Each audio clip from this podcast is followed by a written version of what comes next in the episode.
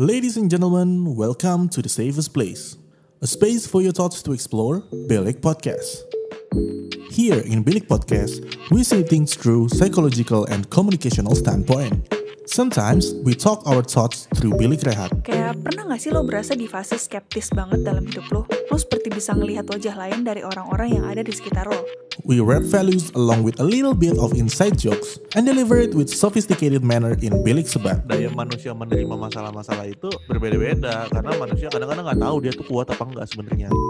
terus itu tuh dia cerita intinya istilahnya kayak flow itu kan bahan contekan And sometimes things can go very deep with our guest speakers in Bilik Curhat. I don't know, kayak gue sampai konseling berkali-kali juga.